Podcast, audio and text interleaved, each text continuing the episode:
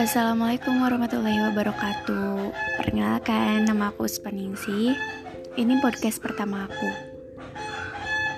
Yang nanti isinya tentang cerita-cerita pribadi aku Sebagian pribadi ya, sebagian nanti yang akan aku share di podcast ini.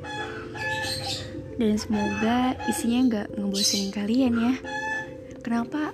Alasan alasan aku bikin podcast ini karena ya iseng aja sih buat ngilangin bosan diri sendiri gitu.